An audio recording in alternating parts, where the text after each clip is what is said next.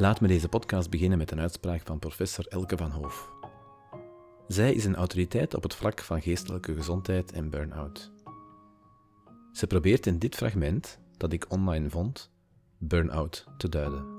We hebben heel veel en heel lang gezocht naar wat is nu het specifieke profiel van mensen die kwetsbaar zijn voor een burn-out, maar daar zijn we eigenlijk nog niet achter. Uiteraard zijn er een aantal persoonlijkheidskenmerken, mensen die perfectionistisch zijn, mensen die erg bevlogen en betrokken zijn. Dat is zowel beschermend als een kwetsbare factor, maar het kan iedereen overkomen. Je hoeft alleen maar in de juiste situatie terecht te komen met de juiste context en dan kun jij opbranden net als iedereen.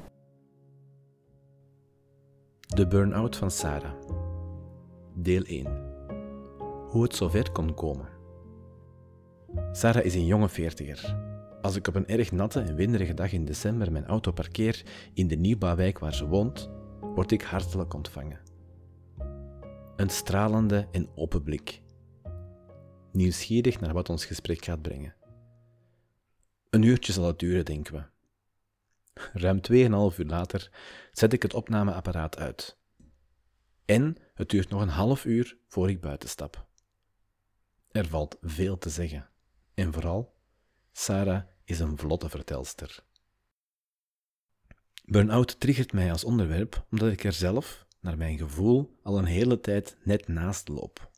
Dat ik er heel dicht tegenkom, maar dat ik er telkens in slaag om het te ontwijken. Maar waarom en hoe ik dat doe?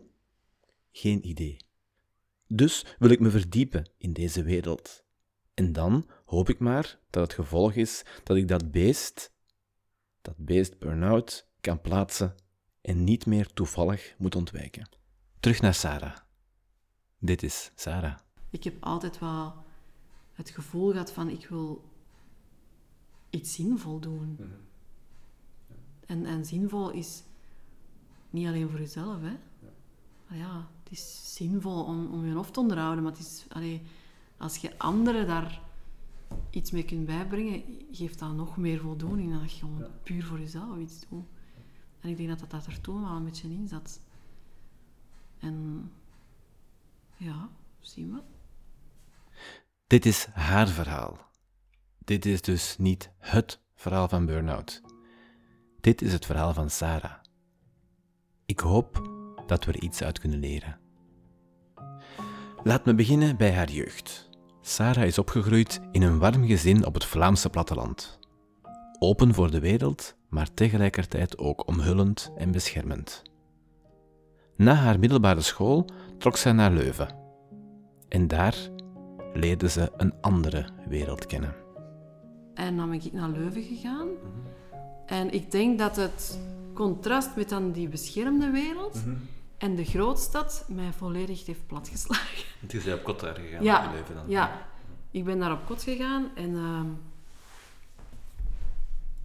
dat was voor mij echt zo, wow, wow, wat is dat hier? En, en ook, ik kwam, ja, ik heb altijd dan hier in de Kempen gewoond, ik ging hier uit en hier gebeurde al wel eens iets, hè, dat, dat, mhm. maar niet overdreven. was eens een, een ruzieke met iemand die te veel gedronken had of zo. Of, ik zag ook geen raar dingen. We gingen naar van die houseparties, maar dat was allemaal braaf. Hè? Allee. En dan kwam ik ineens in een stad. En ik, ik, ik schrok eigenlijk van de, de diversiteit van mensen, maar ook van wat mensen elkaar aandeden of hoe dat mensen waren. Mhm. En ik ben eigenlijk, als ik daar, ik heb daar ook heel veel over nagedacht. Ik ben eigenlijk vanaf dat moment, denk ik, mezelf daar wat van beginnen afschermen. Dus ik heb daar eigenlijk zo een soort laagjes beginnen vormen tegen die buitenwereld. En ik ben ook me gaan verdoven. Ik ben in dat nachtleven gedoken en oh, pintjes drinken. En ik heb er eigenlijk de helft van de tijd gewoon niet bewust geleefd. Dus ik ben eigenlijk vanaf dat punt mezelf echt wel kwijt beginnen geraken. Sarah studeert uiteindelijk af als sociaal readaptatiewetenschapper. Via vrienden van het sportkot komt ze in aanraking met de medische wereld. En ze start als medisch afgevaardigde. En die deed er kei enthousiast over. En ik dacht, ja, medicijnen gaan verkopen aan artsen, dat is eigenlijk kei schoon, dacht ik. Mhm. Zo kei ja, Ik dacht echt, Ja, dat is echt, dat is, dat is, dat is echt ideaal. Dat is, eigenlijk help ik daar de mensen echt mee. Hè? Want Ja, geneeskunde, heel naïef. hè. Echt ongelooflijk naïef. En eh, met die insteek ben ik dat gaan doen. Ik wist ook niet, ik wist totaal niet wat dat was. Totaal niet. Dus ik ben gaan solliciteren en ja, ik kan het goed uitleggen. En Ze mag onmiddellijk beginnen. Na wat opleiding komt ze echter al redelijk snel in contact met de ontluisterende waarheid van deze wereld. dat was eigenlijk gewoon commerce. Dus ik moest eigenlijk die artsen gaan overtuigen van mijn product. Maar ik was ehm, nummer 6 in een, in, een, in een rijke van dezelfde producten. Dus er waren nog andere vertegenwoordigers die eigenlijk hetzelfde hadden, maar van een andere firma. Oké. Dus die kwamen eigenlijk gewoon hetzelfde verkopen. Ja. En eigenlijk zat daar gewoon geen verschil in. Dus wat moest ik doen? Het verschil moest ik maken door mij. Ik moest het verschil maken. Ja, door mijn enthousiasme en mijn... eh, maar ook door gewoon... Ik moest die echt omkopen. Oké. Het eerste jaar lukte het nog wel, door de drive en de fijne collega's die ze had. Maar Ik heb dat nog een jaar volgehouden, maar ik was toen echt al half depressief. Ik raakte mijn bed niet meer uit. Ik kon me niet meer motiveren. Ik gaf valse rapporten in en zo. Dat was echt... Ja. uiteindelijk vroeg Sarah om haar ontslag. Een tweede keer botste ze op een buitenwereld waarvan ze niet veel begreep. Na deze ervaring was Sarah een jaar thuis. Ze begon, zonder enige ervaring, televisieformats uit te werken en voor te stellen aan productiehuizen en de VRT.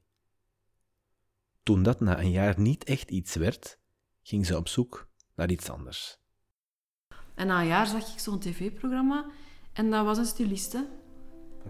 En eh, ik dacht, wauw, dat is een toffe job.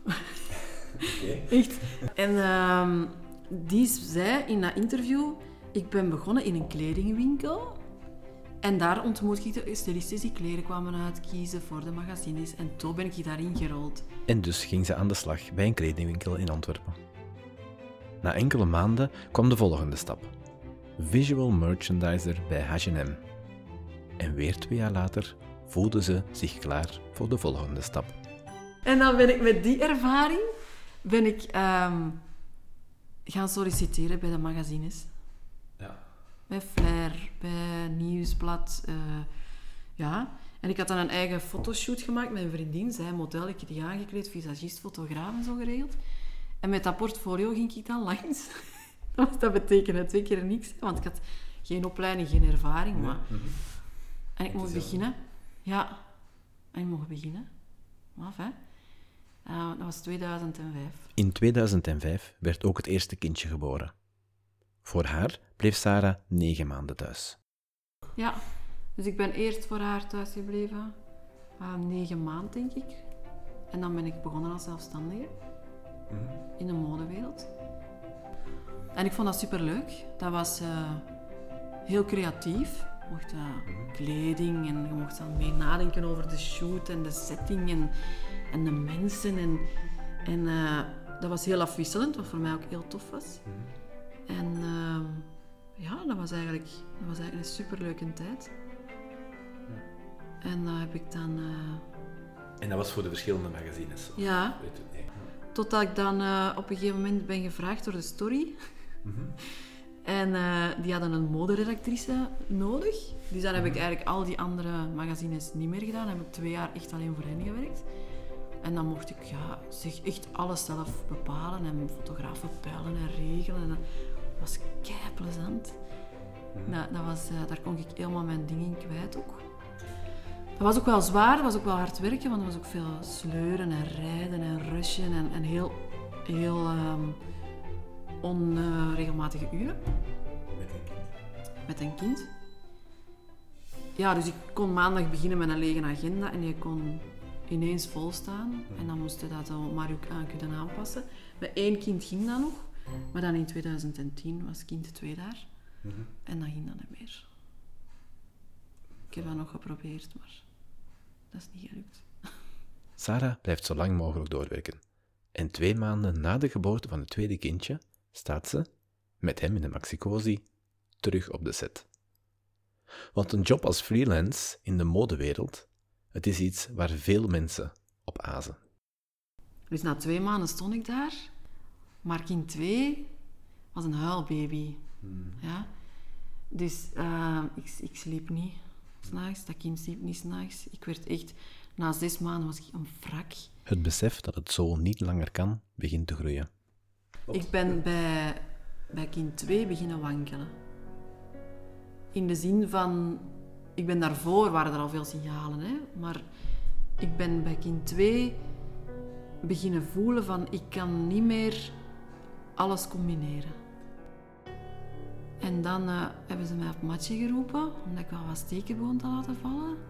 Um, dingen te laten binnenbracht van teksten. De, de, teksten waren niet meer 100% naar hun goesting. En ik uh, ben toen op matje geroepen geweest. En ze zijn daar zo kwaad op mij geworden. En toen dacht ik van... Maar zeg, als dat zo zit... en dan ben ik van een ene dag op de andere gestopt. Dan, dan kwam dat bewustzijn ook wel van, wat ben ik mee bezig? Kind sliep nog altijd niet. Ik ben uitgeput. Uh, de oudste die daar dan ook heel um, opstandig op reageerde. Want die had ook ineens een mama die compleet doorgedraaid was.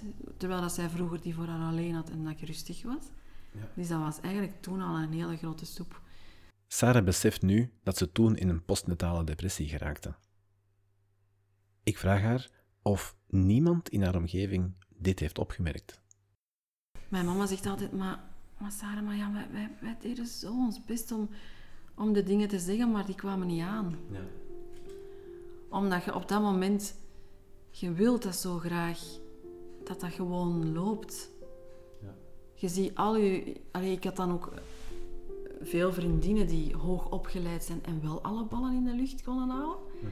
En dan stak dat mijn ogen uit. Geert werkte dan op een, op een werk waar ook heel veel vrouwen werkte die dat allemaal wel konden. Dus ze zei ook van, waarom kun jij dat niet? En zij kunnen dat wel. Dus dat was al zo... En ik had zoiets van, ik, ik, wil, ik, wil, ik wil ook gewoon zijn. Mhm. ik, wil zo, ik wil dat kunnen. Dus ik ben gewoon blijven gaan. Ja. Freaking gek. Maar niemand heb je erover gesproken. Raar, hè? Ja, dat is raar. Ja. Ook bij de huisarts niet of zo? Dus die heeft opnieuw geen signalen opgevangen? Of? Ja, wel. Ik zat, ik zat constant bij een dokter met lichamelijke klachten. Hè. Mhm. Maar die zei altijd... Um, ja, die deed daar zo wat lacherig over. Meer zo van, ja, dat is, iedereen heeft het wel moeilijk en het is wel zwaar. Maar niks concreet.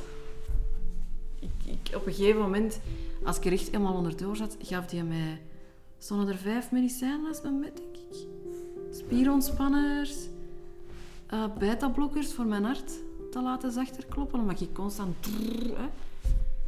Dan pilletjes tegen mijn maag om dan die andere pilletjes te kunnen verwerken. En dan dacht ik, op een gegeven moment zag ik dat staan en ik dacht, echt man. Dus niet naar de oorzaak gezocht werd, symptomen nee. werden aangepakt. Ja. ja. Totaal niet. Ik ben eigenlijk in die periode totaal niet gehoord of gezien geweest. Dat was gewoon doordoen, hè. Na even thuis te zijn, gaat Sarah weer aan de slag in de medische wereld. Een job die ze al kende en die geld in het laadje bracht. Maar al snel had ze ook hier weer door dat wat ze moest verkopen niet op haar morele steun kon rekenen. Ze werd dan ook ontslagen door haar baas. Hij zei, ik zie aan nu dat dat, dat, dat gewoon niet gaat. Uw gesprekken zijn ook niet wat moet zijn. En heeft mij toen ontslagen. Oké. Ja. En um, ik was voor de eerste keer zelf ontslagen? Voor de eerste keer zelf ontslagen. En ik was toen vooral kwaad omdat ik uh, het pijnlijk vond dat iemand die in mijn ogen zo een boerke was, ja, ja. mij ontmaskerd had. Ja. Ja. Want hij zei, hij zei tegen mij, je gaat dat nu niet misschien begrijpen, want ik nu, je gaat dat niet begrijpen, maar later ga je zeggen, ik begrijp waarom dat hem dat gedaan had. Ja. En ik had zoiets van, dikke, hoe, allee, hoe kun jij dat nu doorhebben? Je bent de eerste die dat doorheeft. Ja. En dat was voor mij echt zo van, dat vind ik toch wel straf. Maar dat was, ja, dat was niet alleen ontslagen, dat was echt ontmaskerd. Ik was ontmaskerd. Zo voelde dat voor mij. Ja. En dan nadien? Wat ze dat dan gaan doen? Um, toen zat ik echt wel... Toen ben ik echt wel in een zwart gat gevallen. Mm Omdat ik voor mezelf was dat de zoveelste poging om in een gewoon systeem te passen. En dat te combineren met mijn kinderen. En ik was daar weer in mislukt. Ja. Dat was voor mij echt zo van... Waarom kan ik nu niet gewoon zijn? Ondanks deze dip gaat Sarah al snel terug aan de slag.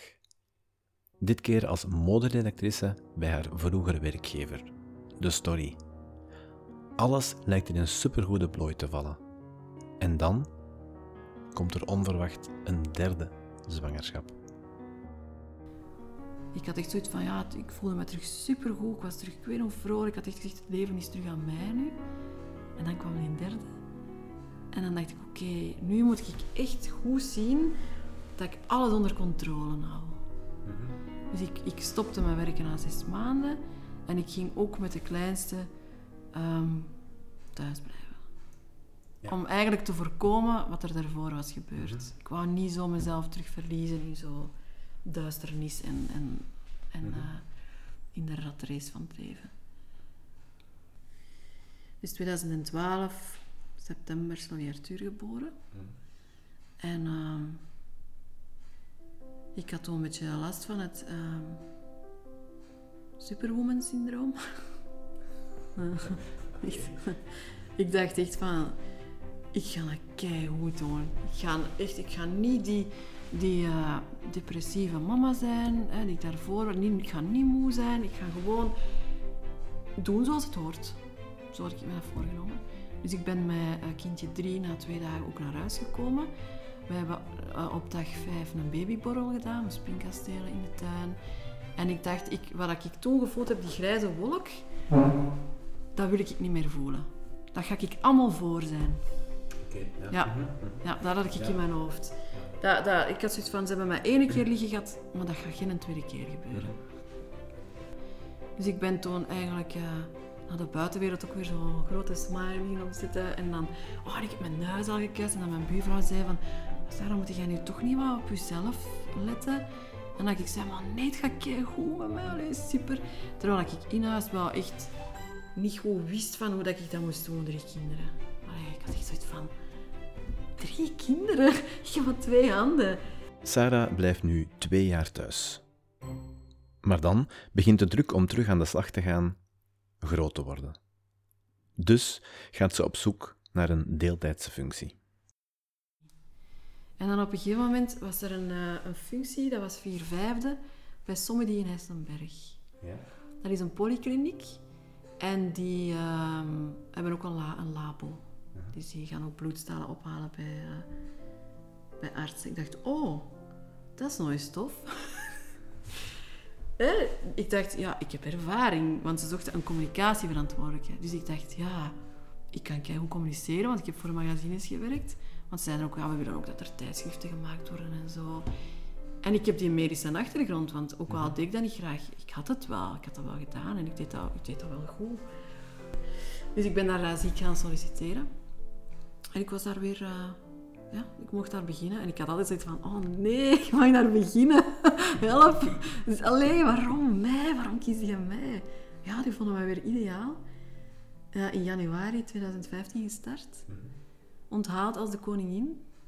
Uh, eigen bureau, vrijheid, een dikke auto.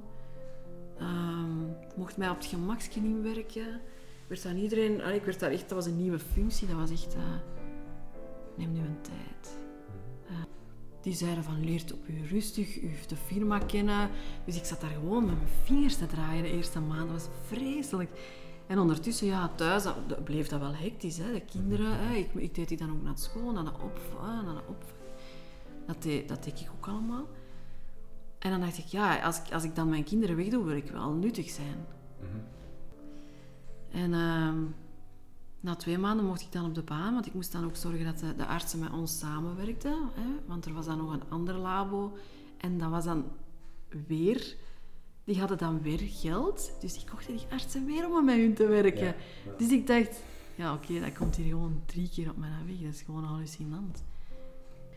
En op een gegeven moment, dan of was ik daar drie maanden bezig, denk ik, kreeg ik uh, uh, een team onder mij van de mensen die de stalen op gingen halen bij de labo's. Maar dat waren mensen die dat al 30 jaar deden. En ineens moesten daar, uh, waren daar hervormingen en dan moest hij ook s'avonds beginnen werken en zo. En dan moest ik als nieuwkomer dan allemaal regelen. Ja. ja. Maar ja, die waren natuurlijk niet mee gediend. En ik was dan op dat moment...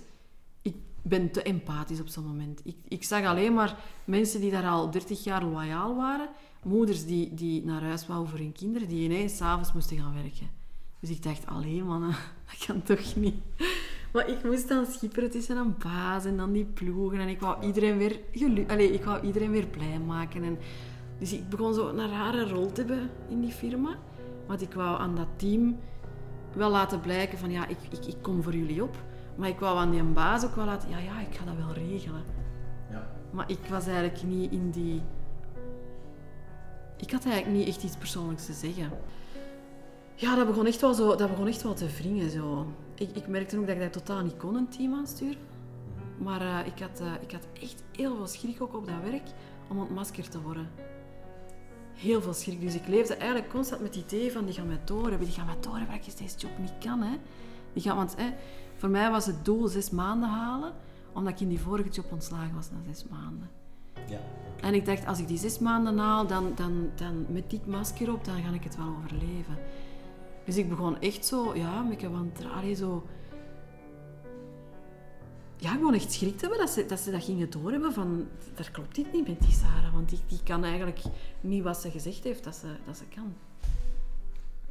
En het is toen dat ik paniekaanvallen ben beginnen krijgen. Over die paniekaanvallen, de burn-out zelf en het langzaam terugkomen, gaat het in het tweede deel van de burn-out van Sarah.